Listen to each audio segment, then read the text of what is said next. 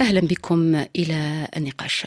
استقالت الحكومة الفلسطينية برئاسة محمد شتية ومحمد شتية أشار إلى أن المرحلة القادمة تحتاج إلى تدابير سياسية وحكومية جديدة تأخذ بعين الاعتبار الواقع الجديد في قطاع غزة. يأتي هذا في الأثناء التي يتواصل فيها القصف على قطاع غزة المحاصر وعلى واقع المعارك الميدانية الضارية بين الفصائل الفلسطينية المسلحة وفي مقدمتها كتائب عز الدين القسام والجيش الإسرائيلي وفي خضم هذه المسلحة المستجدات في قطاع غزة المحاصر والأوضاع الإنسانية التي يدق لها المجتمع الدولي ناقوس الخطر فيه وخاصة في جنوبه يتم الحديث عن الإعداد لتشكيل حكومة تكنوقراط.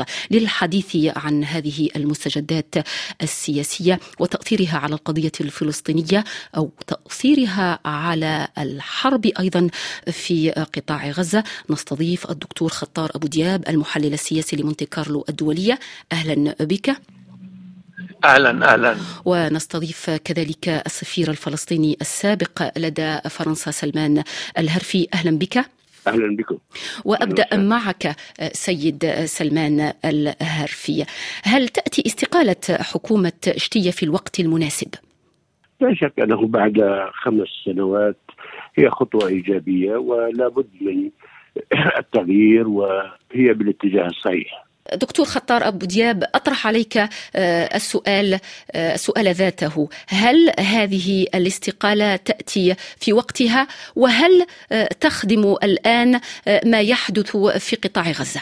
بعد تحيتك وتحية الأستاذ سلمان العزيز وأيضا كل المستمعات والمستمعين والفريق العامل السلطة الفلسطينية من العادة أن تجدد طاقمها التنفيذي وهناك تغيير في الحكومات وكما قال الأستاذ سلمان مضى على الأمر خمس سنوات.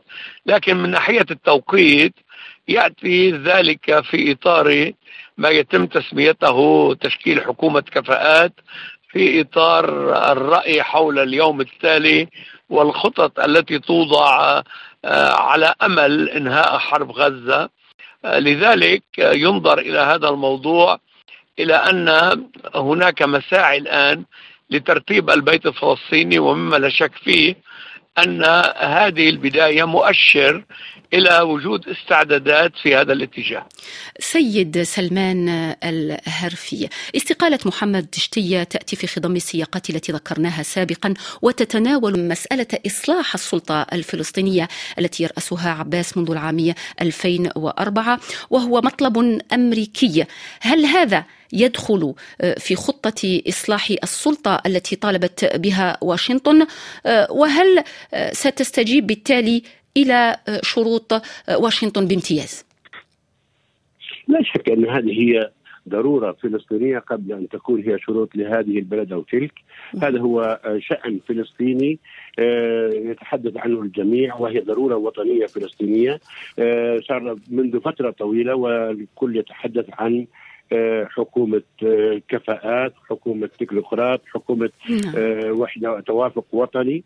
وهذا لا شك أنه أمر ضروري جدا للساحة الفلسطينية وخاصة في ضوء ما هذه الحرب الإبادة التي تشنها إسرائيل على الشعب الفلسطيني وتمزق الأرض الفلسطينية وتضمها.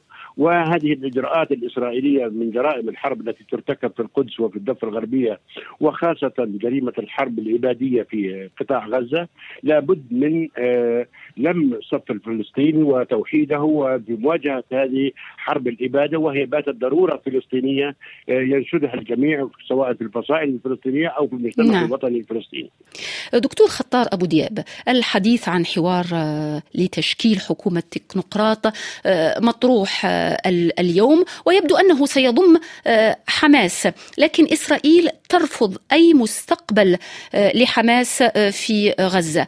كيف هو موقف إسرائيل من هذه الخطوة؟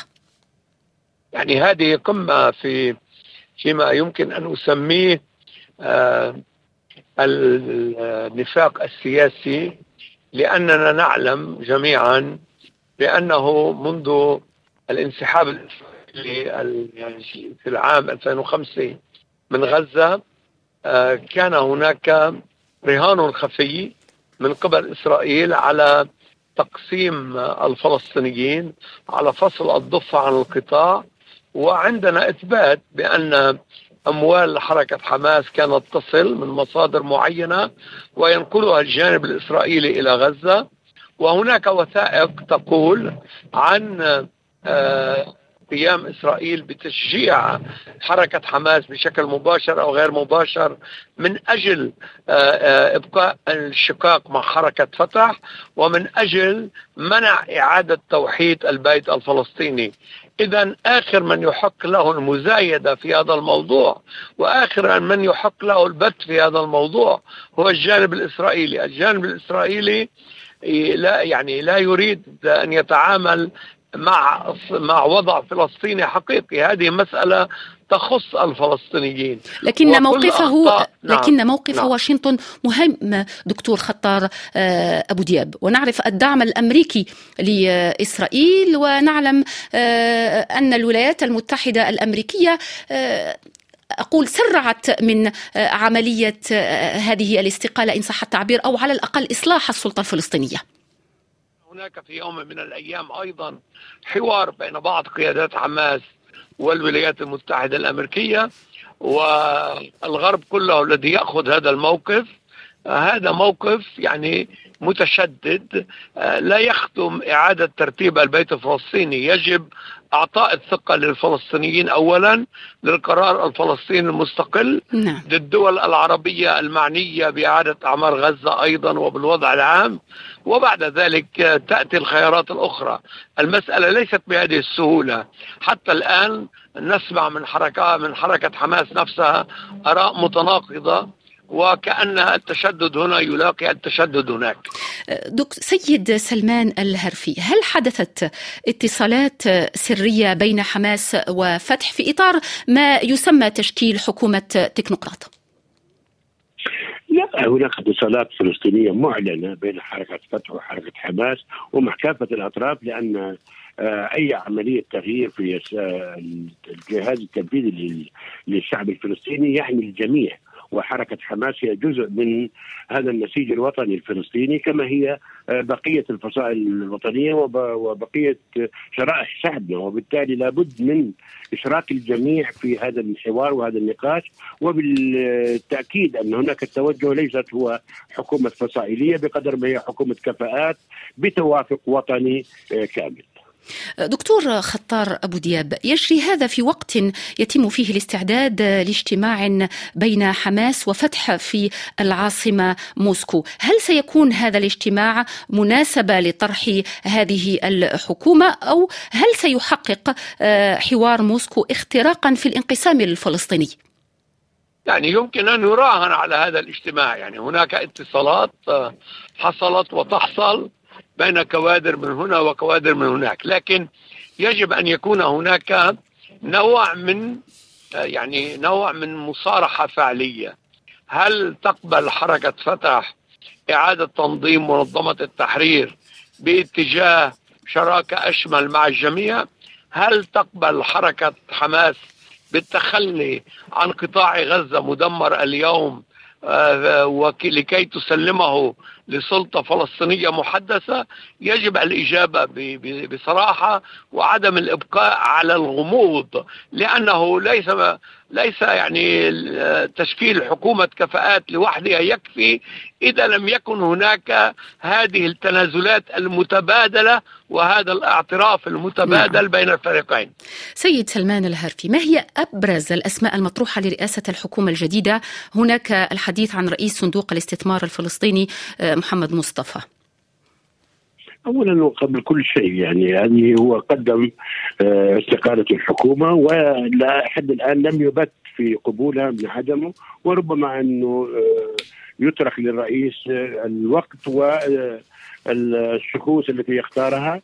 لا تستطيع أن نتنبأ هذا أو ذاك ولكنه من أحد الأسماء المطروحة هو السيد محمد مصطفى وفي أسماء أخرى أيضا مطروحة ولكن الهم الأساسي للقيادة الفلسطينية هو وقف العدوان الإسرائيلي على شعبنا الفلسطيني وخاصة في قطاع غزة ولا بد من وقف إطلاق النار ووقف هذه المجزرة ووقف هذه حرب الإبادة، هذه الأولوية. الأولى للقيادة الفلسطينية آه، تسبق أي أولويات ولا يمكن أن تكون هناك حكومة قبل أن توقف هذه الحرب وأن يوقف هذه المجازر وهذه الإبادة ضد الشعب الفلسطيني. دكتور خطار أبو دياب هل لك إضافة في هذا السياق بخصوص أبرز الأسماء المطروحة لرئاسة الحكومة الجديدة باختصار؟ يعني هناك أسماء كثيرة ومنها الاسم التي ذكرتيها، المسألة ليست أسماء، المسألة هي مبادئ وأسس من أجل آه، إنقاذ الوضع الفلسطيني والأولوية كما قال الأستاذ سلمان. هي الأولوية آه، وقف آه، الحرب التدميرية، وقف إطلاق النار وأيضا وقف الأعمال العدائية في الضفه الغربية وجوار القدس الشريف كل هذا يتطلب صدقية معينة افتقدها المجتمع الدولي الذي ترك الشعب الفلسطيني قربانا على مذبح لعبة الأمم. سيد سلمان الهرفي، محمد دحلان القيادي السابق في فتح تحدث لوسائل إعلام أمريكية عن خطة يناقشها القادة العرب سرا لمستقبل قطاع غزة بعد الحرب. ما هي أهم المعلومات المتوفرة عن هذه الخطة وما هو هدف دحلان من هذه التصريحات؟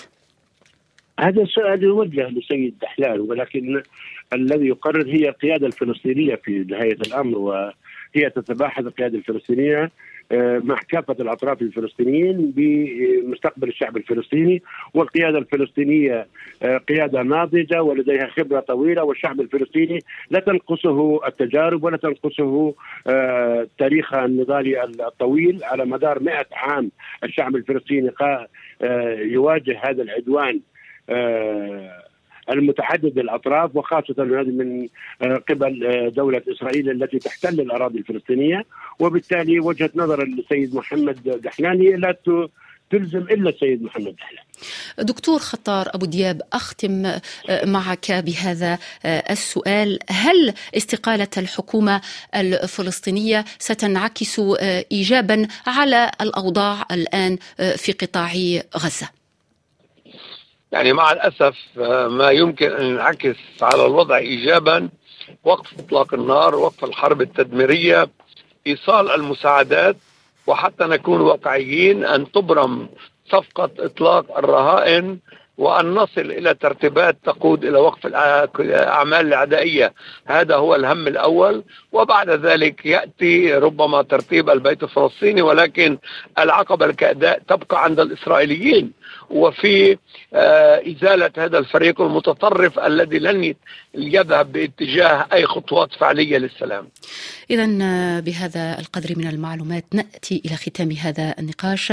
أشكر السفير الفلسطيني السابق لدى باريس سلمان الهرفي وأشكر جزيل الشكر أيضا الدكتور خطار أبو دياب المستشار السياسي لإذاعة مونتي كارلو الدولية. شكرا جزيلا لكما.